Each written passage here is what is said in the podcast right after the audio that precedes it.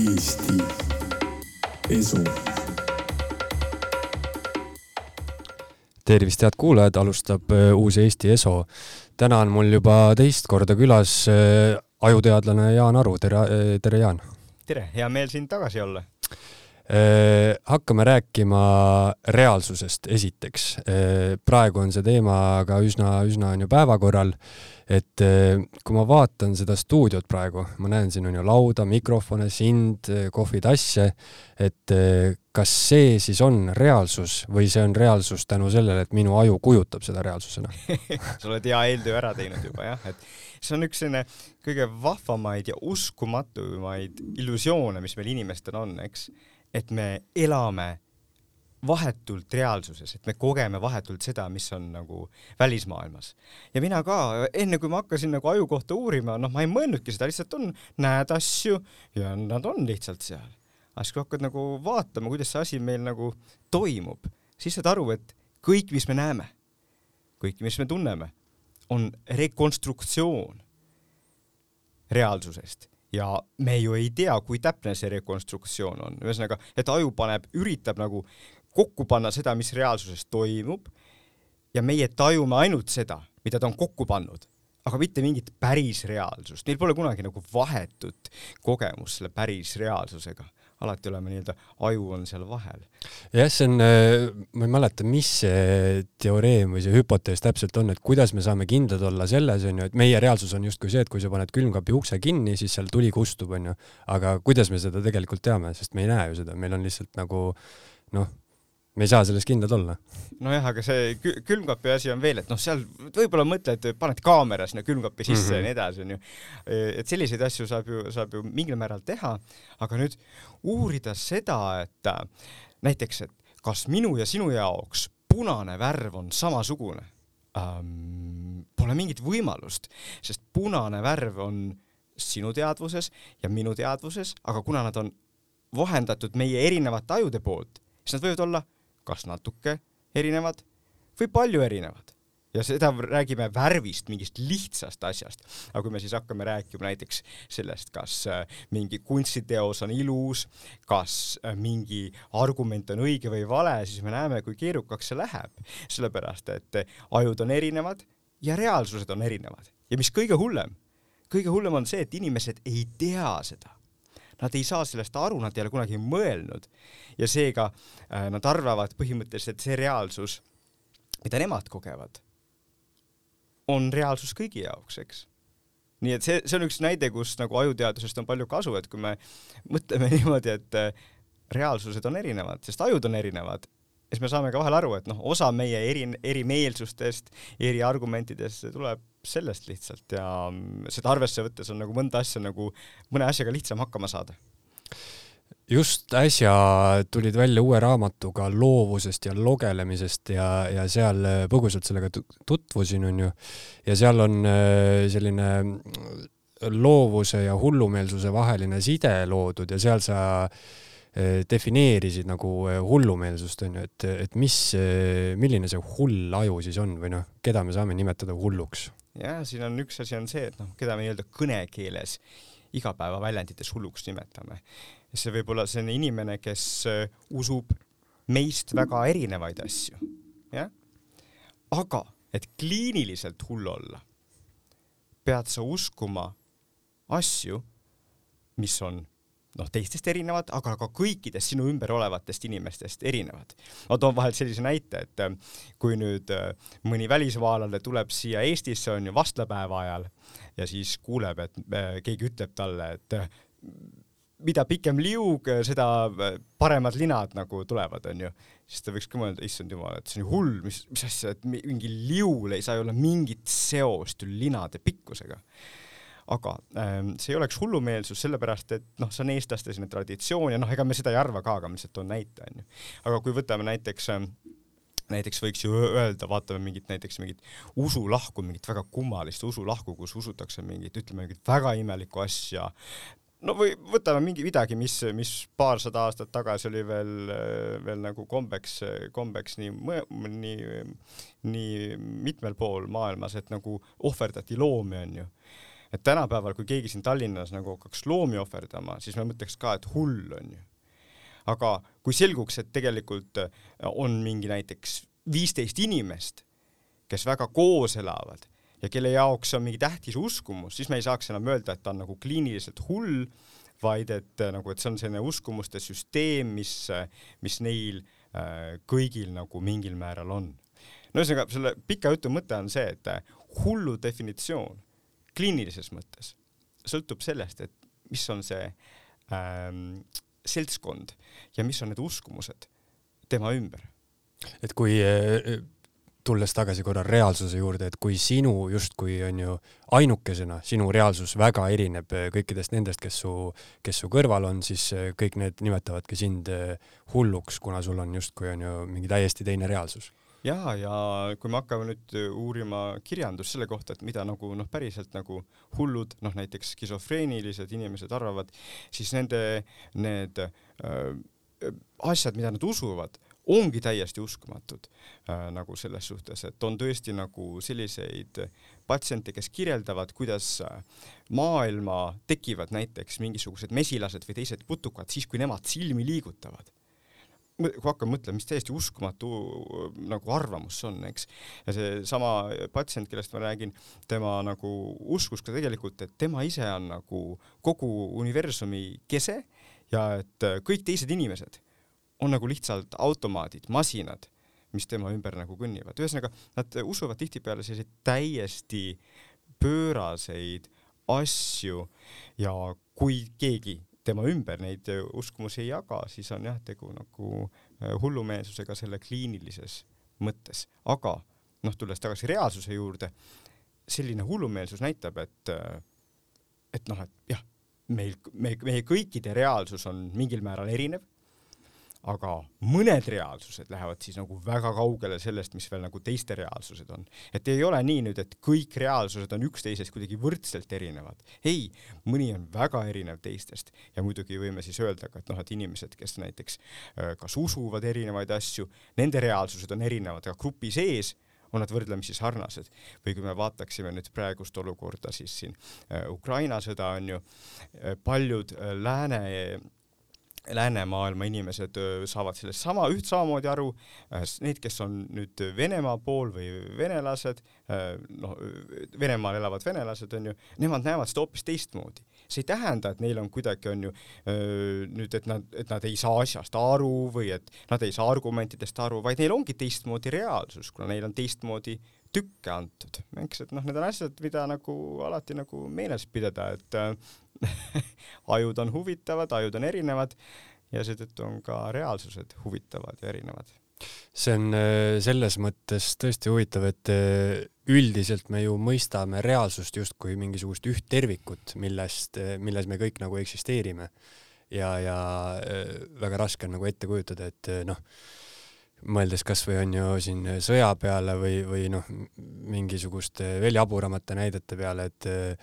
et kui sa nagu üksinda näiteks usud, et, et maakera on onju lapik, siis sa oled hull, aga seal ongi, et see piir jookseb juba ka sellise onju massipsühhoosi vahel, et kui seal mitu tuhat inimest seda usub, et siis saab sellest nagu midagi muud kui lihtsalt ühe, ühe hullu inimese mingisugune ja, lälin onju. ja, ja noh, et see on tõesti esiteks, tulles selle juurde, mis sa ütlesid, et noh, et noh, minu poolest võiks koolis juba nagu selgitada seda, noh, miks mitte kümnendas klassis või kuskil nagu selgitada, et tegelikult meie reaalsused on erinevad sest siis nagu saaks palju sellist eriarvamusi ja vaidlusi mingite eriarvamuste pärast nagu olemata olla. ja teiseks jah, et me saame aru, et miks on ka selline, miks see hullumeelsuse definitsioon on nii, nagu ta on, on ju, et sul on vaja seda arvesse võtta, kes su ümber on ja mis see tauststruktuur on, sellepärast et äh, muidu oleks väga lihtne öelda mingi uskliku inimese kohta et ta on hullumeelne, kuna ta usub mingit äh, kõrgemat äh, olevust, mingit jumalat ja nii edasi. ja seetõttu noh, et kui inimesed siis noh, tollal äh, neid skisofreenia ja teistmoodi hullumeelsuse definitsioone nagu kokku panid, siis nad võtsid kohe arvesse selle, et noh, me ei saa öelda, et, et, et inimene, kes usub nagu mingeid üleloomulikke asju, et ta on kohe hull, sest siis nagu ka religioossed inimesed oleksid, aga seda me võib-olla ei taha öelda. Noh, ja siin ma arvan, et kuulajal on tähtis lihtsalt aru saada, et ongi reaalsused on erinevad, osad reaalsused on patoloogiliselt erinevad ähm, aga seni, kuni see reaalsus on erinev, aga ta tegelikult teiste elu ei sega, ta mingeid ühiskondlik, ühiskonnas mingeid probleeme ei tekita, seni nagu see ei ole probleem. ja siis võib see reaalsus olla tegelikult ka loov eks, et ma, ma näengi maailma hoopis teistmoodi ja seeläbi ma siis saan teha hoopis teisel tasemel kunsti või teadust, ükskõik, sest ma, mul on reaalsusega teine suhe nagu. jah, kui kunsti peale mõelda, siis no seda on räägitud pikalt, et tegelikult ju kõik on ära öeldud, kõik on ära näidatud, kõik on ära maalitud, aga, aga noh, point ongi sellel, et mis perspektiivist igal inimesel on, on ju mingisugune oma, oma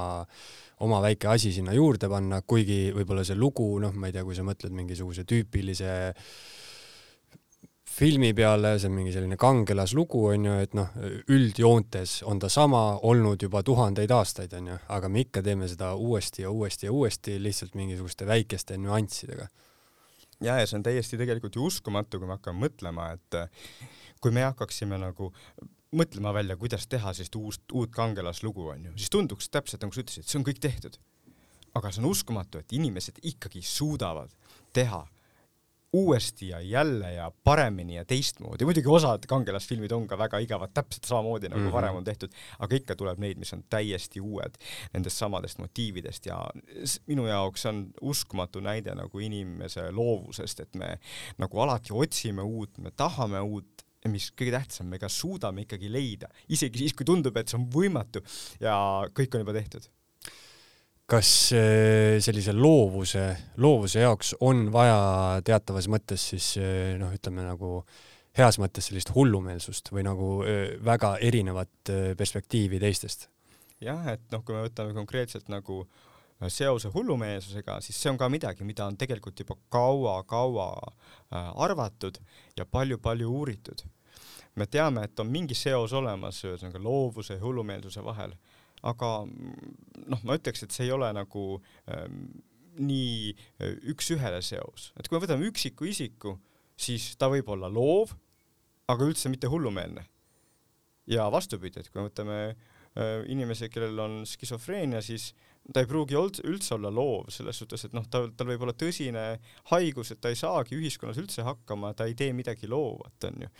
nii et ähm, seal on nagu, ütleks niimoodi, et nagu see, äh, kui me aiu vaatame, siis nagu on mingisugused sarnasused ja ilmselt üks sarnasus on see, et need äh, nii loovad inimesed kui ka hullumeelsed, nende see reaalsusmudel tõesti on natukene, ütleme, julgem. Nad lähevad nagu selles natuke kaugemale, nad mõtlevad asju, mida teised inimesed ei mõtle või mida tavainimene peab üldse absurdseks, et mis sa selle peale aega paned üldse, noh, mis sa üritad seda uut kangelasfilmi teha, onju, igaüks on seda näinud juba, onju. aga, aga loov inimene on see, kes nagu, kellel on see see visioon, ta saab aru, et midagi nagu tahaks teha ja, ja siis nagu hullumeelsusest tavaliselt eristabki seda see, et nagu see loov inimene tihtipeale saab oma selle asjaga hakkama, ta kirjutabki raamatu või teeb kunstiteose, samas kui inimene, kes on nagu päris haige, noh, ta ei saa nende asjadega hakkama. aga see, vahel on see muidugi see joon väga õhuke. on väga tuntud luuletajaid Äh, teatriinimesi, kirjanikke, ka teadlaseid, kes on olnud geeniused ja osa oma elust olnud ka nagu äh, paberitega hullud. see paneb mind mõtlema sellele, et justkui igal inimesel oleks äh, kaasa antud mingisugune ressurss, et et näiteks kui sind on nii-öelda kuidagi õnnistatud või kui sa oled sündinud sellise väga-väga loomingulise ajuga, mis, mis on ju, loob selliseid seoseid ja noh, avastad näiteks mingisuguse uue korrapära on ju siin maailmas, et eh, siis justkui eh, sinu kogu see kaasasündinud ressurss on nagu suunatud sinna, et siis võib-olla selline, ma ei tea, praktiline elu või selline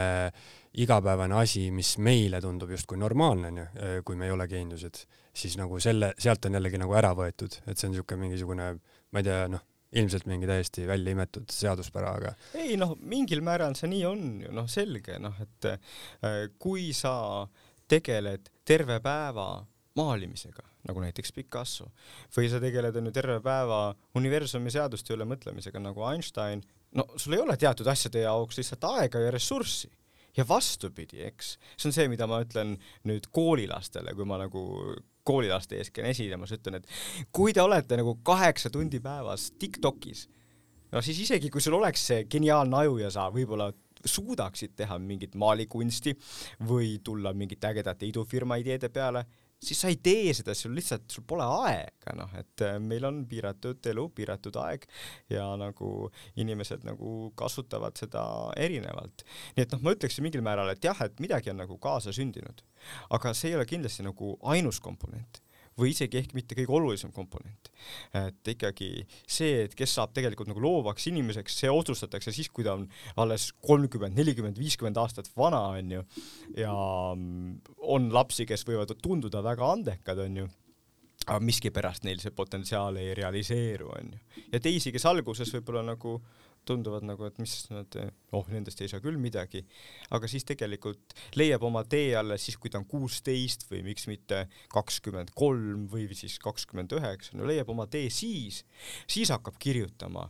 siis hakkab nägema asju, mida panna lõuendile ja nii edasi, et see on nagu tähtis asi, et me saaks aru, et äh, osa sellest ilmselt on mingil määral kaasasündinud, aga tegelikult äh, kunagi ei tohiks ühtegi inimest nagu maha kanda, et äh, mõni loovus tärkab tegelikult äh, hilja. See on jah, see anne versus on ju nii-öelda tuupimine või noh, töö, ütleme, et ma isegi mõtlesin enda elu peale, et eh, kuidagi sihuke kooliiga oli mul, tuli kõik nagu justkui hästi kergelt, kõik need kooli ülesanded, asjad ja ma tõesti ei pidanud, on ju, tuupima. aga siis ma läksin eh, ülikooli õppima matemaatikat, see oli mu esimene valik. ja siis ma järsku pidin hakkama õppima, aga ma tegelikult ei olnud seda elus mitte kunagi teinud ja kolme kuu pärast ma kirjutasin välja ennast ülikoolist. ja, ja, ja, ja noh, vaata, kui suur probleem see tegelikult on, eks on ju, ega mina ütlen ka nagu, kui ma räägin õpetajatega või, või lapsevanematega, ma ütlen, et et kool ei peaks olema lihtne, et pigem peaks iga inimese jaoks olema koolis ka midagi rasket, sest muidu tõesti lendad läbi kooli nagu sinagi onju ja siis noh, ükskõik kas ülikoolis või mingis töös või kuskil ikka tuleb midagi ette nagu olukord, kus on raske. ja kui sa ei ole seda harjutanud no siis on super, noh, nagu sa ei ole ette valmistunud selleks ja kool peaks tegelikult ette valmistuma, et ta on selline nagu selline mugav koht, selline liivakast, kus võib teha vigu, kus peab pingutama, vahel ei tule välja, saad kolme, okei okay,, aga noh, et see käib, peaks käima asja juurde nagu. kui me räägime nüüd loovusest, siis enda raamatus sa mainid, et selle aluseks on ikkagi teatav pinge et üldse on ju noh, mingi siis sihuke nagu heureka või sihuke sähvatus saaks on ju tekkida, et mingisugune ütleme, mingisugune pinge peab midagi kuskilt suruma, et nagu mingisugune ventiil on ju järele annaks. et eh, kuidas sellist asja ise mõjutada saaks, et eh, kuidas ma saan olla loovam, loomingulisem, kas ma saan ise nagu kuidagi noh, enda aju suunata sinna suunas jah, et see on tähtis küsimus, sest et see on jällegi selline müüt, mis meil on loovuse kohta, eks, et on lihtsalt mingid loovad inimesed, mina ei ole loov, midagi pole teha, okei okay,, ma siis ei ole loov, onju. aga tegelikult loovus ei käi nii, vaid loovuse aluseks on see, et inimene hakkab nagu ise nagu küsimusi küsima, ükskõik nagu, kas ta üritab joonistada, ta üritab millegi üle mõelda, ta üritab äh, mingit firmat teha ähm, ja, ja siis ta hakkab nagu selle kohta asju uurima, teadmisi koguma ja ta peab jõudma sinna punkti tõesti, kus ta nagu, ta tahab midagi saavutada. olgu see siis, ta tahab mõelda, kuidas oma kolmandat peatükki alustada või tõesti tal on vaja seal idufirmas mingisugune konkreetne probleem lahendada ja nii edasi, onju. tal peab olema see pinge. ja see on see huvitav koht, et kui inimesel on pinge, siis teatud juhtudel see pinge nagu laheneb nii, et inimesel tuleb see aa, okei okay. ja seal tulevad need hiigelsuured avastused ja nagu maailma muutvad asjad, mis nagu äh, lihtsalt käivad ära nagu klõps. inimene ei tea, kust see tuli äh,. see on üllatav ka inimese enda jaoks ja noh, see on minu jaoks nagu super huvitav, et selline asi nagu toimuda saab, et nagu noh, kuidas tuleb nii, et sa ise ei saa aru sellest, kust see tuleb, see on sinu enda jaoks üllatav, kuigi sa ise mõtlesid selle välja, noh. et see on nagu seetõttu üks fenomen, mida ma ise uurin ja mis mulle väga palju nagu sellist äh, ütleme nii, pinget pakub. aga mis, eh, mis sinu eh, head trikid selle jaoks on, et eh, mina olen vähemalt kuulnud noh, palju selliseid asju, et kui sa mingi onju ütleme probleemi kallal nuputad või, või onju, ma ei tea, istud arvuti taga ja sõnad ei teki sinna ekraanile onju, et siis seal nagu selles pingeolukorras nagu nii-öelda marineerimine võib-olla ei olegi tihti kõige kasulikum, et sa pead justkui onju välja astuma, noh, soovitatakse, ma ei tea, jalutama minna või, või magama üldse või, või onju et on sul mingisugused sellised äh, head ja, soovitused? seetõttu mu see raamatu kaanel olev teine sõna on logelemine, eks on ju mm. -hmm. sest tõepoolest see on nagu noh, üllatav, üllatav teadmine, äh, mis meil on nagu äh, viimastel aastakümnetel, aga noh, mõnes mõttes ka juba varem olnud, et ähm, lahendused tulevad tihti tõesti siis, kui sa nagu lased minna, lased vabaks, ei võitle selle probleemiga. aga noh jällegi väga tähtis on öelda, et eeldus on see, et sa oled selle probleemiga võidelnud. eeldus on, et see, sul see muidugi, et sul on pinge. eeldus on see, et sul nagu äh, sa oled üritanud nagu seda probleemi seljatada, lahendada, jällegi olgu see siis äh, kuskil kunstis, ettevõtluses, teaduses, mingis ühiskondlikus asjas, ükskõik. sa pead olema tegelenud sellega, sa pead olema nagu ajule nagu öelnud, et kurat, see tuleb lahendada, onju. aga siis, kui sa oled sinna jõudnud, sa oled tupikus siis jah, nagu sa ütlesid, tihtipeale see nagu tööle pihta andmine tegelikult ei aita, vaid äh, on vaja nagu lõdvaks lasta, midagi muud teha, näiteks jalutama minna, äh, vanni minna, pikali minna. Ja tõesti nagu vabaks lasta ja nagu mõnes mõttes nagu alla anda sellest öelda, et okei okay,, praegu ma seda ei lahendanud. Ja siis, kui sa selle natukene nagu äh, lähed sinna teise seisundisse, kus nagu, kus nagu on natukene mõttelendu rohkem, siis äh, ajus tekivad mingid uued seosed ja siis järsku võib see lahendus sulle teadvusesse hüpata. see sõna logelemine on ilmselt äh paljudele tuttav ka praegu, kui me mõtleme just onju igasugustele nutitelefonidele või kaheksa tundi Tiktokis passimisele, siis kaheksa tundi Tiktokis eh, kõlab ka mulle logelemisena. aga no mina veel napilt kasvasin üles onju ilma interneti ja, ja nutiseadmeteta ja no ma mäletan, et eh, selline, et igav on eh, või igavlemine, no see oli pidev probleem, et kui nüüd mõelda, noh, üritada onju mingisugust seost sealt luua, et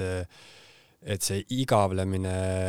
sundis on ju mõtlema välja mingisuguseid väga imelikke mänge ja, ja, ja mis iganes on ju, et, et huvitav, kas see loovuse tase ikkagi mingil määral mingil määral mm. langeb ka, kui, kui sellist, ma ei tea, sa tarbid tõesti kaheksa tundi võib-olla mingisugust, ma ei tea, naljavideosid sa noh, küll igavled, aga samas sul on kogu aeg on ju mingisugune stiimul jookseb silme ees, noh, sa oled natukene, saad seda dopamiini peale, on ju, et eh, siis võib-olla noh, tekib ka selline ajulaiskus. ja see on kahtlemata minu hirm ja see on ka üks põhjus, miks ma selle raamatu kirjutasin, eks, et anda inimestele nagu selgust, et jah, et eh, nutiseadmed on nagu toredad, sealt saab palju toredaid videosid, aga siis selgitada, et nagu noh, miks nad meid nii väga tõmbavad ja mis kõige tähtsam, selgitada, et mida me kaotame, mida on lastel kaotada, mida on meil kaotada, kui me lihtsalt olemegi tundide viisi seal ja tarbime. ja see on täpselt nii, nagu sa ütlesid, eks äh,. me kaotame selle võime nagu tegelikult midagi uut välja luua, välja mõelda, et noh, mina isegi näen seda niimoodi, onju, et nagu noh,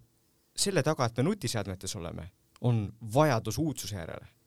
seetõttu me otsime uusi uudiseid või uusi pilte Instagramist, Snapchatist, uusi videosid Tiktokist ja nii edasi. aga kui me seal ei oleks, siis meil oleks igav, täpselt nagu ütlesid. ja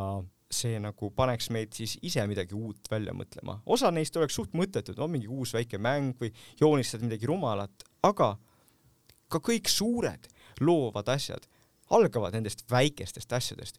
kui me neid väikeseid, mõttetuid, igavuse käes tehtud asju ei tee, no siis me ei tee kunagi ka suurt loovust, eks. see on see, millest inimesed aru ei saa ja mida ma üritan neile selgitada, et eh, tegelikult eh, selleks, et loovaks saada, on vaja nagu palju väikeseid asju teha, on vaja palju proovida ja on vaja mõista, et äh, igavus on loovuse väetis ühelt poolt äh, rääkides jah, sellisest äh, on ju mõttetust sotsiaalmeedia scroll imisest ja asjast on ju, et äh, ühelt poolt ongi nagu minu arust igalt poolt kostab ka läbi, et see ei ole on ju kõige, kõige parem loovusele ja nii edasi, aga teiselt poolt seda mingis mõttes ka nagu kiidetakse, sest see ongi meie maailm ja seda sa justkui peaks, on ju, tundma õppima, et noh, ütleme kunagi, kui mina olin noorem, siis äh, räägiti onju arvutimängudest kogu aeg seda, et, et sa ainult mängid arvutimänge ja see on nagu täiesti mõttetu onju, aga siis mingi hetk tekkisid inimesed, kes nagu teenisid raha sellega. aga mulle tundub, et tuleb ikkagi aru saada sellest, et tegelikult see, et sa noh, võib-olla saad, ma ei tea, maailmakuulsaks tiktokeriks, see on ikkagi nagu väga-väga väike protsent sellest, et see, et sa kaheksa tundi päevas tiktoki vaatad, see nagu noh, selle jaoks, et sa sinna nagu ise hakkaksid seal tegutsema, sa pead ikkagi nagu kasutama neid võtteid, millest sina, sina räägid, onju just, see, see on ka väga tähtis asi jah, et nagu ähm, pidasin ühte loengut hiljuti, seal ka keegi ütles, nojah, aga need tänapäeva tiktokerid, et nemad ju ei ole midagi pidanud tegema. aga see ei ole nii, selleks, et äh, selles konkurentsis teha videosid, mida ikka jälle vaadatakse äh,, selleks sa pead nagu tegelikult mõtlema ja vaeva nägema, noh, kui sa oled juba mingisuguse taseme saavutanud, okei okay,, sul on mingi tiim võib-olla selle taga ja selle taga on nagu mingi suurem protsess, aga alguses, et nagu läbi lüüa selles tohutus Tiktoki maailmas äh,, pead sa suutma nagu anda mingit uut perspektiivi. sul peab olema nii-öelda uus reaalsus, teistmoodi reaalsus, mida sa jagad ja samas ei saa olla liiga hull, on ju, selles suhtes ta peab olema just selline, et nagu siis tuhanded ja miljonid inimesed seda klikiksid ja vaataksid. ja nüüd ükskord selle video tegemine on võib-olla tehtav, kaks korda võib-olla ka tehtav aga kolmkümmend korda, nelikümmend korda, no sul peab olema seda tahet, indu ja loovust, et ka niisama Youtuberiks või Tiktokeriks nagu noh, ei saa päris niisama, et sul peab midagi ikkagi olema. ja muidugi võib öelda, et nojah, ega Youtuber ja Tiktoker, et ega need, mis, need, see ei ole mingi loovuse vorm, aga noh, mõnes mõttes on ka, noh, selles suhtes, kui me vaatame, et tõesti seal peab pingutama, seal peab nagu vaeva nägema ja pikalt seda tegema ja püsivalt tegema ja ja ma kujutan ette, et tiktokeritel, Youtube eritel võib ka neid ahaa-hetki tulla samamoodi, kus nad üritavad mõelda, et noh, mis ma selleks järgmiseks videoks teen, et kuidas ma nüüd kõik asjad ära teen, täpselt, ma olen kõik läbi proovinud ja need äh, miljonid teised videod on ka kõik läbi näidanud ja siis tuleb sul see idee onju. nii et äh, muidugi ta on teistmoodi loovus, kui nüüd võrdleme klassikalise muusika või kunstiga, aga noh ta on oma, omamoodi loovuse vorm ikka see on jah, seesama ikkagi see anne versus töö põhimõtteliselt äh, on ju siuke võitlus, et äh, mina olen ka võib-olla natuke nagu väga eraldanud neid, et, et anne on selline, ütleme, üks karakteristika asi ja töö on hoopis teine, onju. või noh, selline vana arusaam, et, et kunstnikul või kirjanikul tuleb kuskilt mingi inspiratsioon, kui ta lihtsalt diivanil logeleb aga üks väga hea raamat on äh, Stephen Kingil, kus ta, hästi niisugune väike raamat, kus ta kirjeldab enda seda kirjutamisprotsessi. Ja siis ta räägib seal, et tema peab ka nagu äh, see distsipliin on põhiline, et üldse see loovus nagu kohale jõuaks, et äh, iga päev peab onju kirjutama ja sellest, ma ei tea, sajast päevast võib-olla üheksakümmend päeva sa kirjutad mingit jama, aga noh, selle jaoks, et need kümme päeva üldse tekiks, sa ei saa need üheksakümmend päeva mitte midagi teha, et eh, sa peadki nagu nii-öelda selle investeerima selle aja sinna sisse. ja, ja, ja see on see, mida ma ütlen nagu noortele, aga ka täiskasvanutele. ei ole teist teed. ei ole nii, et loovad inimesed lihtsalt järsku hakkavad looma. ei, kõigil on see olnud eh, vaev eh, ja mida rohkem vaeva sa oled näinud, noh, seda kõrgemale ja kaugemale sa võid jõuda, noh, Arvo Pärt äh, meil siin endal Eestis on seda kutsunud, seda loovuse protsessi surmaheitluseks, eks. ja ta ei ole ainus, kes seda niimoodi on nimetanud, sest et see on raske, see on see pinge ja kohati see on nii frustreeriv, eks. nii et ma ütlen, et äh, absoluutselt palju lihtsam oleks nagu olla nutiseadmetes ja nagu lihtsalt tarbida seda maailma. Aga kui me tarbime ja me ei loo, siis me nagu Äh, ei kasuta seda, milleks me tegelikult võimelised oleme, sest inimese loom on põnev ja huvitav just seetõttu, et ta on inimese loov mm, -hmm, ta mhm, loov mm, -hmm. jah. kui äh, ütleme, et äh, mul on mingisugune probleem, loov probleem, proovin leida lahendust ja lähen näiteks jalutama ja, ja see aitab mul jõuda selle lahenduseni aga on ka muud asjad, mis võivad meie loovust, reaalsust ja kogu seda maailma natuke mõjutada ja need on erinevad eh, ained, kasvõi eh, näiteks kasvõi seesama kohv, mida mina praegu joon, onju. aga kui me räägime nüüd eh, psühhedeelsetest ainetest, siis mul on endal olnud selline võrdlus selle kohta umbes, et, et kui sa suitsetad kanepit või see algab sellest, et et äh, mõttemustritest onju, et äh, kui ma vaatan enda aju nagu sellist suurt äh, rohu välja, siis mul on seal igapäevaselt mingid sisse tallatud rajad onju, mis on nagu siuksed mullarajad, ma näen seda võrgustikku. kui ma suitsetan kanepit, siis ma justkui lähen äh, läbi mingisuguse põlvekõrguse rohu, kust ma võib-olla iga päev ei mõelnud. kui ma võtan LSD-d, siis ma olen üle pea võsas ja ma ei, üldse ei saa enam nagu mitte midagi aru. et kuidas on psühhedeelsed ained ja loovus omavahel seotud? jah, et siin on nagu, see vastus võiks olla pikem, aga alustame sealt, et psühhedeelsete ainete ja loovuse seost on muidugi väga palju uuritud. ja kui me nüüd hakkame arvesse võtma seda, kui palju seda uuritud on, siis võib tegelikult öelda, et need tulemused, vähemalt teadustöö tulemused, on võrdlemisi igavad. Selles suhtes, et noh, ma hiljuti just siin ühe projekti jaoks nagu lugesin üle kõik need tööd, mis on tehtud nagu äh,, kus uuritakse loovust. ja seal leitakse nagu väga väikeseid efekte, vahel nagu olematuid efekte ja siis me hakkame mõtlema, et no miks see nii on, et noh, et oma, ometigi võiks arvata, et see psühhedeelne seisund on nagu väga loov ähm,, aga siis seal on mitmeid probleeme, üks on see näiteks, et noh, et noh, kuidas sa mõõdad üldse loovust, on ju. Noh, ja psühholoogidel on seal sellised minu arvates võrdlemisi nagu igavad katsed, mis võib-olla nagu ei võimaldagi hästi loovust äh, nagu uurida ja loovusest aru saada ähm,. no, mis siis teha, kas siis minna nüüd äh, ähm, uurima neid inimesi, kes tegelikult on loovad ja kes tarbivad psühhedeelikume. on ka seda tehtud ja, ja ka seal on nagu tulemused nagu osad vanad tulemused kuuekümnendatest nagu näitavad mingeid selliseid suuremaid efekte, aga, aga noh, neid ei ole nüüd nagu nii hästi nagu, nagu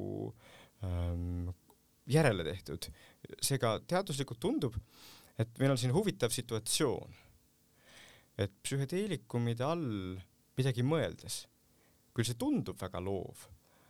aga ta nagu päris maailma suhtes nagu ei olegi nii loov võib-olla. Ja mõnes mõttes võib-olla äkki see ei olegi üllatav, sest psühhedeelikumide all on see meie reaalsus on nii teistmoodi, et justkui seal reaalsuses need asjad võivad olla loovad ja olulised, aga kui me toome selle nüüd siia tagasi nagu siia nii-öelda ähm, jagatud reaalsusesse, mida me teistega jagame, onju, ähm, et siis nagu inimene, noh, see ei ole enam nii huvitav, nii oluline võib-olla. Et see on selline laiem teema ja võib-olla tasuks siia lihtsalt kuulajatele nagu selgituseks ka öelda, et meie, meie kindlasti siin ei propageeri psühhedeelikumide tarbimist ja tuletame meelde ka, et Eestis on tegu ikkagi ebaseaduslike ainetega, äh, küll aga on teadustöö, mis on tehtud kontrollitud tingimustes, näidanud, et psühhedeelikumidest teatud olukordades äh, võib ka kasu olla ja minu kui teadlase jaoks on lihtsalt tohutult huvitav, et muutused teadvusseisundis, kardinaalsed muutused teadvusseisundis võivad tegelikult inimest ja tema käitumismustreid äh, muuta. see jah, muidugi kindlasti on äh, just see, see on ju seaduslik pool ja selline natuke tabuteema on nagu pärssinud kindlasti ka on ju selle uurimist kõvasti. et mulle meenub üks asi, mida ma kuskilt internetist olen näinud, mis oli hästi vana katse äh, kuidas ühele maalikunstnikule anti LSD-d ja vist iga tund paluti tal joonistada nagu autoportree onju ja siis sa nagu tundide viisi nägid, kui nagu justkui mingisugused piirid ja kõik nagu kadus ära, et seal kuskil viiendal tunnil olid lihtsalt nagu siuke abstraktne värvide kompositsioon ja esimesel tunnil oli noh, nii väga ilusti nagu nii-öelda realistlikult joonistatud onju portree ja, ja, ja psühhedeelikumigi tõesti noh, sellest on natuke kahju ka, et nad on tegelikult niimoodi põlu all olnud, sellepärast et äh, nad on huvitavad ained ja noh, teaduslikult võiks ju ikka neid uurida, aga tõesti mitu aastakümmet neid isegi ei uuritud eriti. nüüd on jälle lahti läinud ja viima-, viimasel aastakümnel on palju uuritud ja kohe ongi leitud, et noh, näiteks on ju, kui me võtame inimesed, kellel on depressioon või tõsine sõltuvushäire, siis nad võivad psühhedeelikumidest kasu saada. jällegi mitte nii, et nad ise kodus võtavad, vaid et nad on kontrollitud tingimuses, kus on terapeut juures, kes nagu juhib inimese läbi selle protsessi, selgitab talle, mis see psühhedeelne mm -hmm. protsess on, aitab tal seda nagu äh, läbi viia ja, ja läbi nagu teha. ja siis äh, kui sellise, sellisel juhul neid katseid teha, siis on näidatud, et äh, patsiendid, kes ei ole leidnud abi ravimitest ja teatud tüüpi teraapiatest võivad nagu järsku muutuda ja tõesti nagu oma depressioonist mingil määral vabaneda või oma sõltuvusest mingil määral vabaneda, öelda, et ma ei ole enam see inimene lihtsalt ja mõelge, kui hämmastav see on. noh, me teame, kui raske on muuta oma mingeid väikseid harjumusi, onju, et abikaasa pahandab meiega, et me hambaharja alati valesti, valesti paneme ja seda on raske muuta. aga nüüd need inimesed äh, suudavad nagu järsku muuta nagu tervet oma seda mõtlemise struktuuri kuidagi tänu psühhedeelsetele ainetele. me ei saa aru, miks see nii on ja me ei saa aru, miks see nagu osade inimeste puhul nagu töötab, osade puhul mitte niisiis veel kord, et see ei ole mingisugune võluvits, aga ta on lihtsalt jällegi ajastul, kus meil on vaja selliseid inimesi aidata ja ajastul, kus nagu äh, selline mm, farmakoloogia pole palju nagu uusi nagu ravimeid näiteks depressiooni jaoks välja töötanud, on, on huvitav teada, et noh, et sellest äh, psühhedeelsetest ainetest võib kasu olla ja seda tuleb nagu uurida ja seda tuleb nagu kasutada ja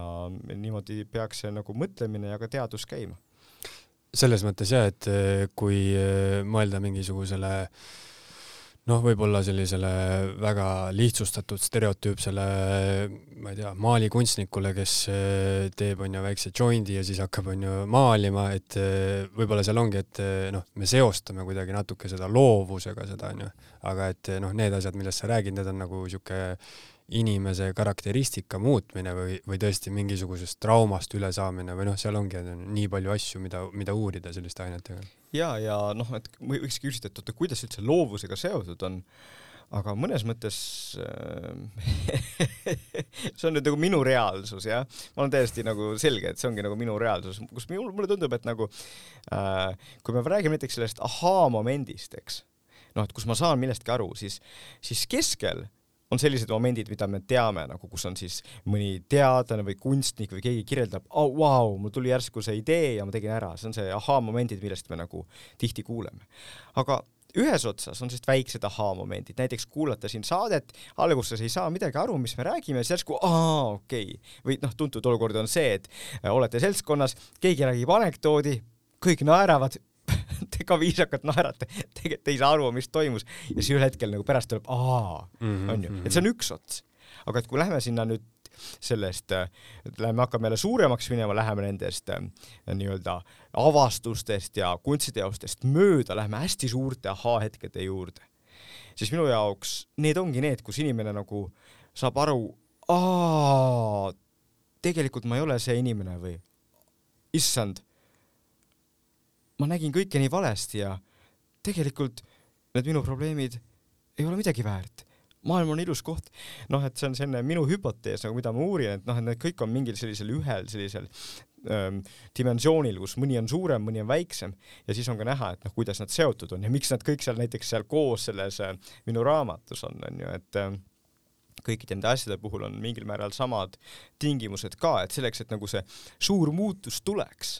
peab olema ka see eelnev pinge et ei ole nii, et keegi nagu, tal on nagu selline äh, kerge sõltuvus ja ta ise teda eriti ei huvita see asi ja tal ei ole sellest kuidagi vaja lahti saada ja siis on ju, läheb, võtab lihtsalt psühhedeelikume ja saab sellest lahti, nii ei ole. tundub, et pigem on nii, et sul on vaja, et sul, sul oleks tõesti nagu see, see häiriks, see oleks suur probleem, sa nagu, sa üritad sellest lahti saada, aga ei saa. no näed, see on pinge nagu loovuses, eks, sarnane pinge, ainult veel võimsam ja siis psühhedeelikumid ava, aitavad nagu viia aiu sinna seisundisse, mis on siis nagu ekstreemne logelemine näiteks või midagi taolist, noh kus järsku kõik meie varasemad uskumused, mis meil selle reaalsuse kohta olid ja enda kohta olid, saavad puruneda ja saavad tekkida uued no see, ma ütlen, et me, need on paljud asjad, mida me tegelikult praegu veel täpselt ei tea, kuidas see töötab. aga see on lihtsalt minu arust tohutult põnev ja nagu tähtis ka aru saada, et me saame muutuda. see on midagi, mida tahame oma lastele õpetada, ise ka, et kui meil on mingi asi, mis meid segab, siis ei ole nii, et nojah, midagi pole teha, ma olen ise, ise õppisin viis aastat ülikoolis seda asja ja siis kümme aastat töötasin seal, et mul pole midagi enam teha, mis ma ikka siin et tegelikult äh, muutused toimuvad, inimesed leiavad endas seda uut hingamist ja see on lihtsalt nagu positiivne, äh, optimistlik sõnum, mida meil on vist praegusel ajal nagu tarvis. ma mõtlen jah, et see, kui mõelda sellise ahaa-momentide nagu onju äärmuste peale, siis Äh, selline ahaa-moment, mis tõesti on ju muudaks inimese käitumist või ütleme, maailmavaadet, see peab olema on ju päris suur ahaa-moment ja tihtipeale ongi, kas on, on ju, need on alati seotud kuidagi negatiivsete asjadega, et kui inimesel, ma ei tea, tuleb mingi haigus, keegi sureb ära, siis ta tõesti kardinaalselt äh, on ju muudab ma ei tea, kas enda käitumist või suhtumist või, või mis iganes. ja, ja no või, või sõda, noh, mis meil ja, teemaks on ju jah, et noh, selge on ka see, et ikkagi äh, kahjuks suurel osal inimestest, kellel nagu lähedane inimene sureb või kes on sõjaolukorras, noh, ei toimu sellist muutust. aga on huvitav ja võib-olla tähtis uurida, et mingil protsendil inimestest toimub see muutus, et nad järsku nagu muutuvad paremaks inimeseks nad lase, saavad lahti lasta oma muredest, nad leiavad mingisuguse sellise ähm, armastuse tunde ja nagu nad muutuvad nagu hoolimata sellest, et neil oli, mis, mis nad läbi elasid, oli raske, muutuvad nagu õnnelikumaks ja rõõmsamaks inimeseks. noh, muidugi need asjad, mis oli sõda või, või, või see kellegi kaotus, need asjad jäävad ikka ja on ikkagi probleemsed, aga see inimene nagu näeb kogu maailma teistmoodi et minu arvates see annab nagu lootust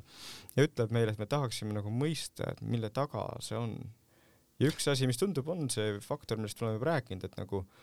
osad inimesed nagu noh, kes noh, ja see on loomulik inimlik reaktsioon, et kui sul, sa oled mingis raskes olukorras, sa hoiad kinni sellest, sa mõtled selle üle lõputult, sa nagu ähm, noh, teed iseendale asja raskeks. no see on inimlik, ma ütlen, et väga raske on teistmoodi ja sa ei suudagi lahti lasta, aga üks asi, mis tundub, et nüüd teadustöö üha rohkem näitab, on see, et, et selleks, et ähm, sellest lahti saada ja see transformatsioon läbi teha, tuleb nagu lahti lasta, esiteks.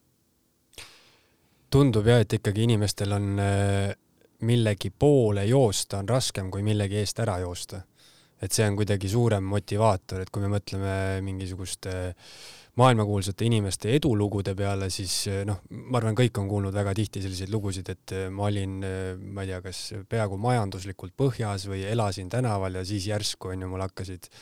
käis mingi klõks ära ja, ja onju ma hakkasin kas tööle või mul hakkasid mingid loovuse mahlad metsikult voolama, et on selline nagu noh, äärmuslik pingeolukord onju et siis sul justkui nagu kuidagi välgatab midagi. ja, ja, ja noh, ma, ma toon ise hea meelega näiteks ka Albert Einsteini, mõtleme, et oo, kuulus teadlane, nii, aga tegelikult kui ta ülikoolis ära käis, ta ei saanud tööd ülikoolis.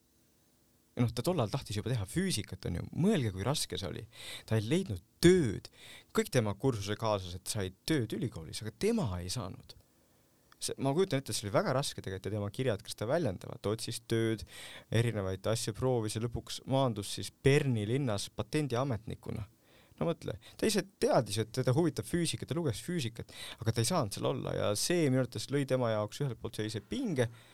teiselt poolt võib-olla ka sellise vabaduse, mis tal võimaldas siis tulla lagedale nende fundamentaalsete avastustega universumi kohta. jah, selline vana hea lause ju, et eh, või, või küsimus, ütleme, et eh, kas kunst saab tekkida ainult kannatusest või noh, eh, ükskõik milline siis nagu edu, et kas see saab tekkida ainult siis, et jube mul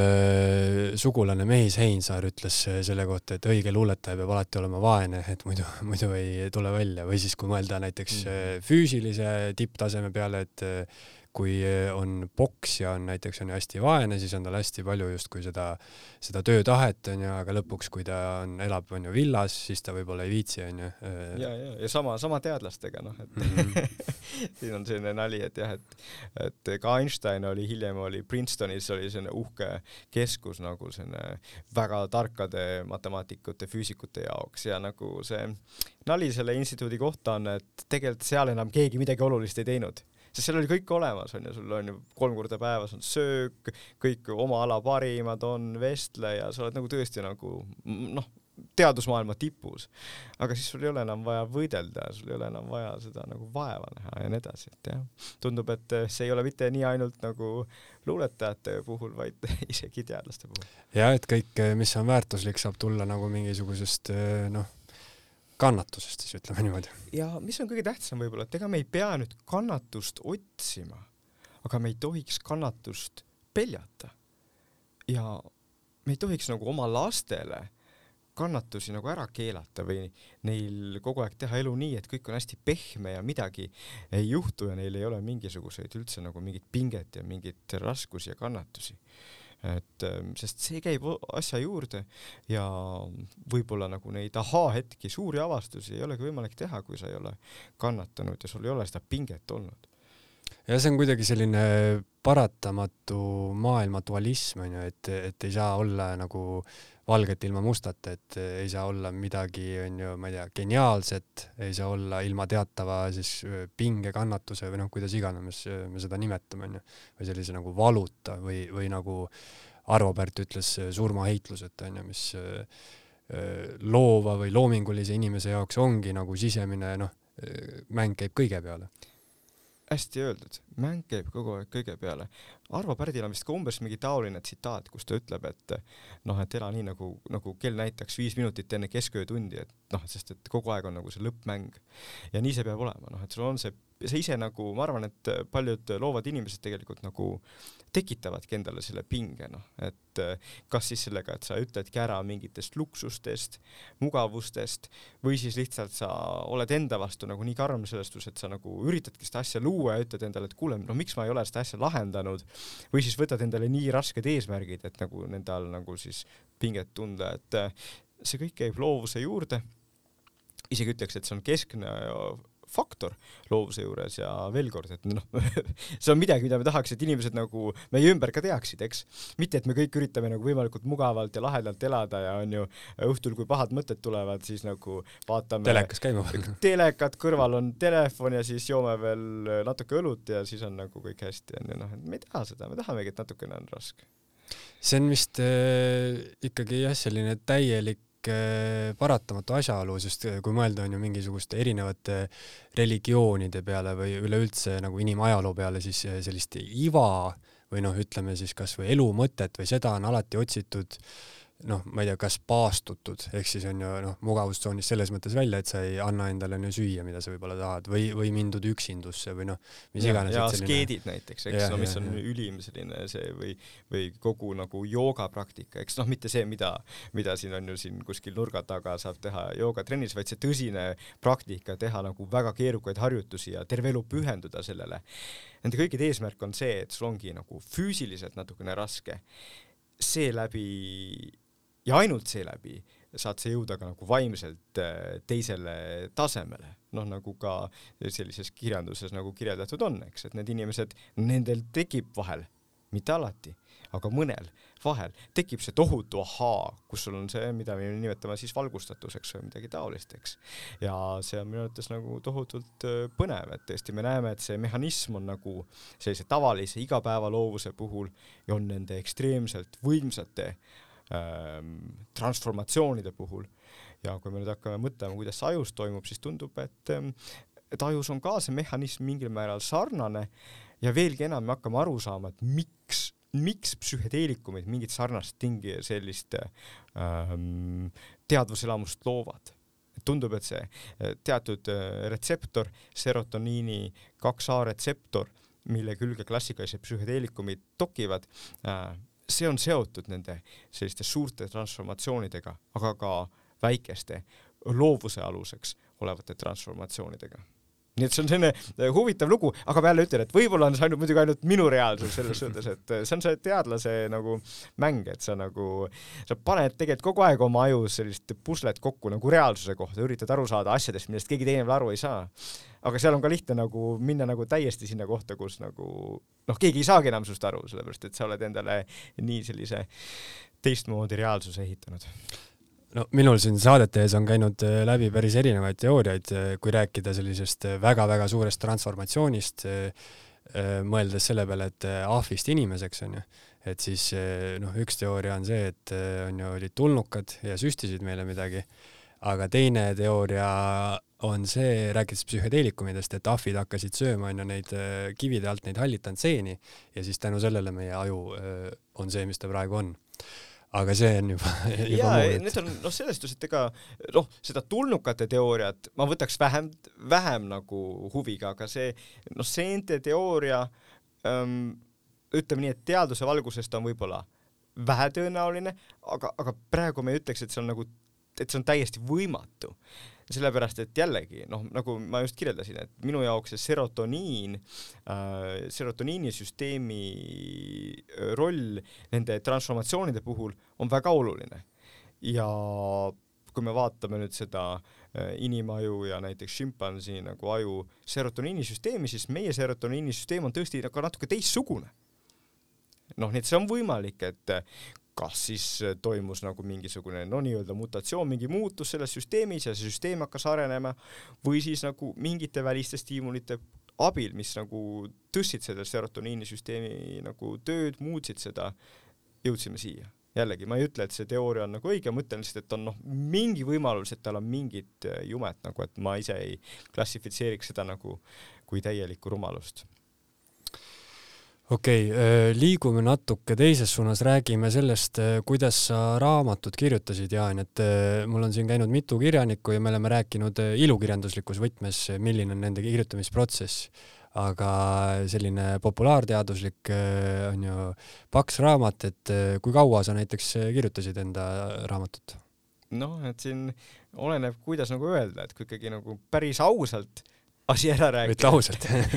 või noh, siis, siis, siis jah, et ikkagi ma lõpetasin eelmise raamatu umbes kaks tuhat kuusteist noh, kaks tuhat seitseteist alguses ja siis ma hakkasin tegelikult kirjutama uut nagu, noh, ma ei, ma hakkan nii kirjutama, et ma ei tea täpselt, mida ma kirjutan, aga ma hakkan mingisuguseid asju kirjutama. nutiseadmete kohta võib-olla kirjutasin juba aastal, ütleme kaks tuhat kaheksateist, eks äh,, mingisugused mõtted ära, mingid tükid veel. Ja siis nagu vahepeal jääb seisma, ei liigu edasi, kuidagi noh, kuna sul on, kujutame ette, et sul on see pusle ees ja sul on ainult nagu mingid üksikud tükid, nagu sa ei näe veel, kuidas see asi nagu kokku käib. Väga frustreeriv ja siis nagu tahaks teha, aga samas nagu ei jaksa. Ja siis ma kohati tundsin, et äh, ma ise olen ka nagu loll ja selle asemel, et kirjutada nagu vahepeal nagu äh, noh, teen muid asju, noh, et ma võiks ju kirjutada. aga mm, ja siis aastate jooksul need tükid kogunesid, noh, tekkis kuskile nurka mingisugune kooslus, millest ma sain juba aru ja siis äh, tegelikult alates eelmise aasta algusest ma nagu hakkasin nagu noh, täie tambiga andma ja nagu kirjutama ja ma nägin, et okei okay,, siin on, siin on, kogu lugu on olemas mingil määral. Ehm, nii et noh, mõnes mõttes on see vastus, et väga pikalt ja teisalt, teisalt on see vastus, et nagu see suur kirjutamine käis umbes nagu selline aasta või nii mm. -hmm. jah, kui nüüd äh, sinu juttu kuulata ja kui ma võrdlen seda juttu onju ilukirjanduskirjat-, kirjutajatega, siis ne, on ka tihtipeale samamoodi, et näiteks romaani kirjutama asudes, et, et kui täpselt sul see skelett olemas on, et mõni mõtleb, on ju, väga täpselt läbi, tal on noh, see pusle nagu üsna selgelt ees, võib-olla tükid on seal nagu natuke sassis, on ju, aga mõnel on tõesti niimoodi, et sul on võib-olla üks-kaks tükki ja sa hakkad alles minema ja sa hakkad alles on ju ehitama, et eh, populaarkirjandusliku teosega mulle tundub see, see nagu võib-olla tükkidest kokkupanemine või just see nagu pusle on ju koostamine, see on nagu eriti hea võrdlus jaa, aga, aga noh, teaduskirjanduses, sellepärast et need, kui seda raamatut vaadata, siis seal on mingid asjad, mis nagu näiliselt nagu üldse ei sobi kokku, et no kuidas sa räägid nutiseadmetest ja psühhedeelikumidest ja kooliharidusest, noh, võib-olla no, kooliharidus ja nutiseadmed on, on ju mingil määral nagu seotud, aga kuidas sa neid asjad nagu, kuidas need, kuidas nad raamatus koos on, on ju. ja siis eh, seal oli ka vaja leida nagu see, et kuidas need erinevad asjad, mis mind ennast nii väga huvitavad ja ma ise tunnen, et nad on kõik seotud aga kui, kusjuures raamatu algus, raamatut kirjutama hakates ja võib-olla isegi eelmise aasta alguses veel, mul ei olnud päris selge, kuidas need asjad kõik koos kokku käivad. mul on lihtsalt tunne ja see on tihti nagu loovate inimeste puhul nii, et sul on nagu selline intuitsioon või tunne, et ah, seal on midagi, see töötab. ma kirjutasin ja kirjutasin ja, ja siis ma sain aru, et aa, see töötab tõesti nagu noh, ja selge see, et mõni lugeja võib ka leida, et võib-olla see nii hästi ei töötanud, aga, aga mulle endale nagu tundus, et, et ise jäid rahule vähemalt vot nüüd sa küsisid küll sellise küsimuse, mille peale on lihtne vastata. Ei, ei, ei, et ilmselt on osad autorid, kes nagu jäävad väga rahule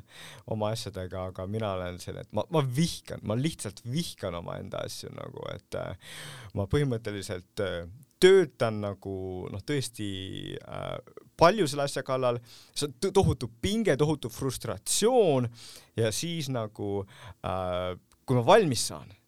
ilgelt tahaks nagu, et tuleks korraks jess, teeme mm. nagu pudeli lahti ja nagu tähistame, aga seda hetke ei tule mul mitte kunagi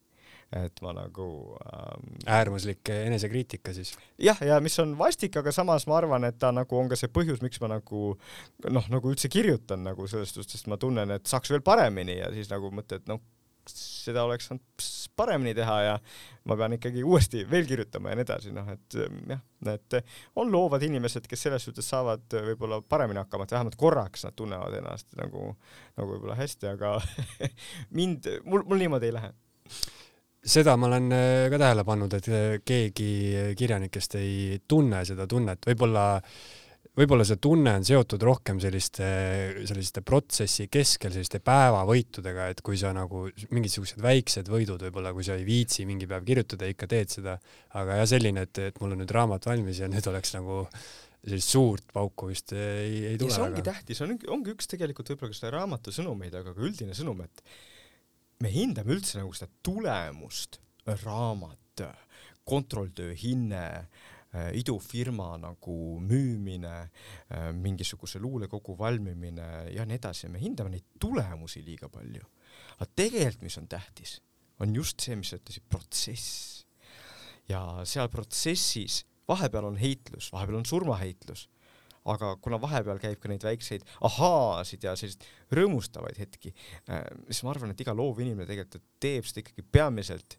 protsessi pärast. no osa on võib-olla, kes teevad peamiselt selle raha pärast ja mis tuleb siis, aga nagu ma usun, et noh, päris loov inimene ta on just see, et talle seda, talle meeldib selle asja sees olla ja mõnes mõttes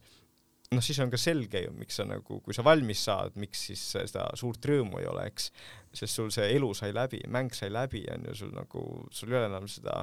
kaaslast, mis sul iga päev oli mõtetes, sa pead hakkama midagi uut tegema mm. -hmm. aga kui sa mõtled äh, nüüd sellele intensiivsemale eelmisele kirjutusaastale, siis äh,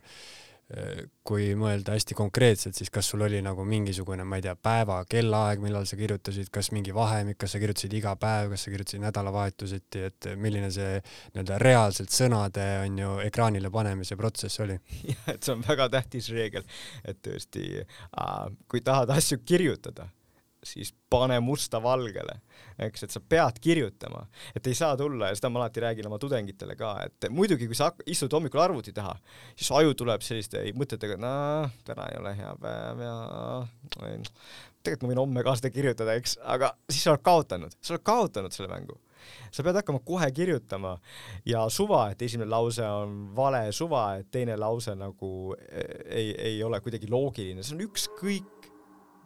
sa tahad, et tegelikult see äh, nagu äh, asi liiguks ja just, et sul võib-olla on mingid kellaajad, kus sa iga päev kirjutad. mulle meeldib näiteks hommikul kohe ära teha midagi, sest siis sul on nagu noh, et sa oled nagu juba ära teinud ja saad öelda, et okei okay,, nüüd ma võin edasi minna. et see on väga tähtis aspekt tõesti nagu ja ilmselt selline kõige tähtsam nagu mm, reegel või selline seaduspära, mis ma ise kasutasin jah, seal ilmselt tekib ka teatav selline onju inertsi tunne, et sa hoiad seda nii-öelda ratast no, töös. aju juba teab jah, et nüüd läheb asjaks, nüüd läheb asjaks, nüüd on vaja teha, noh mm -hmm. ja nüüd on vaja kirjutada ja, ja see, sellised harjumused on nagu loovuse aluseks, et sul on oma rutiin, iga päev teed kasvõi pool tundi ja mõtleb küll, mis ma selle poole tunniga ära teen.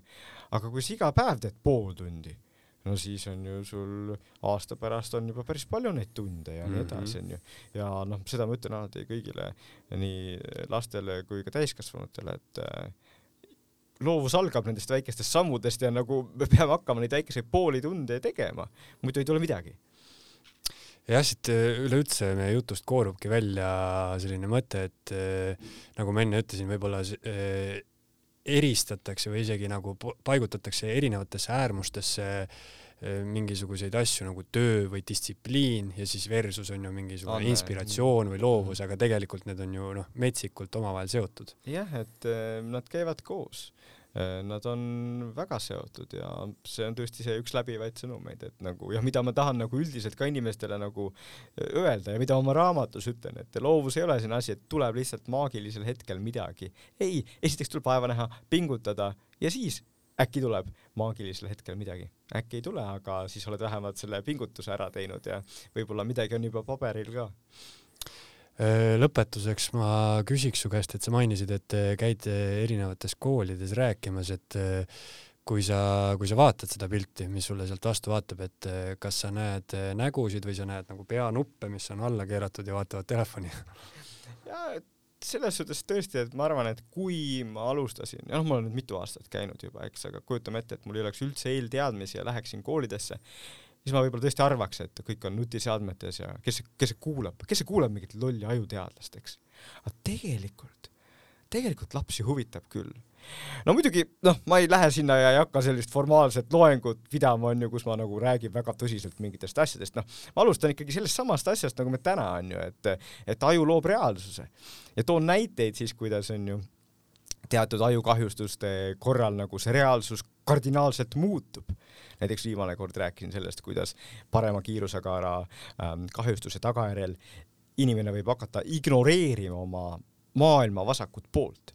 mitte mm. nii, nagu me, meie selja taga, et me ei näe selja taha, aga me teame, et seal on. aga ta ignoreerib, justkui seda ei olekski onju. et ta eh, ei raseeri või ei meigi ennast vasakult poolt, ta ei söö vasakult poolt taldrikult ja nii edasi. ja noh, et sellised näited tuua lastele, siis nad juba hakkavad, noh, saad aru, et see on natuke põnev nagu, tood nad endaga kaasa. ja siis ma räägin neile on ju seda, et, et aju on plastiline eh, ja annan neile sama sõnumi, mida me täna oleme rääkinud, et ei ole nii, et osad on loovad inimesed, osad on andekad ja teised ei ole on vaja vaeva näha, on vaja asju teha. ja mulle tundub, et tähtis on see, et keegi pole neile seda kunagi öelnud. Ma ei tea, meile kooli ajal ju keegi ei öelnud seda, onju noh.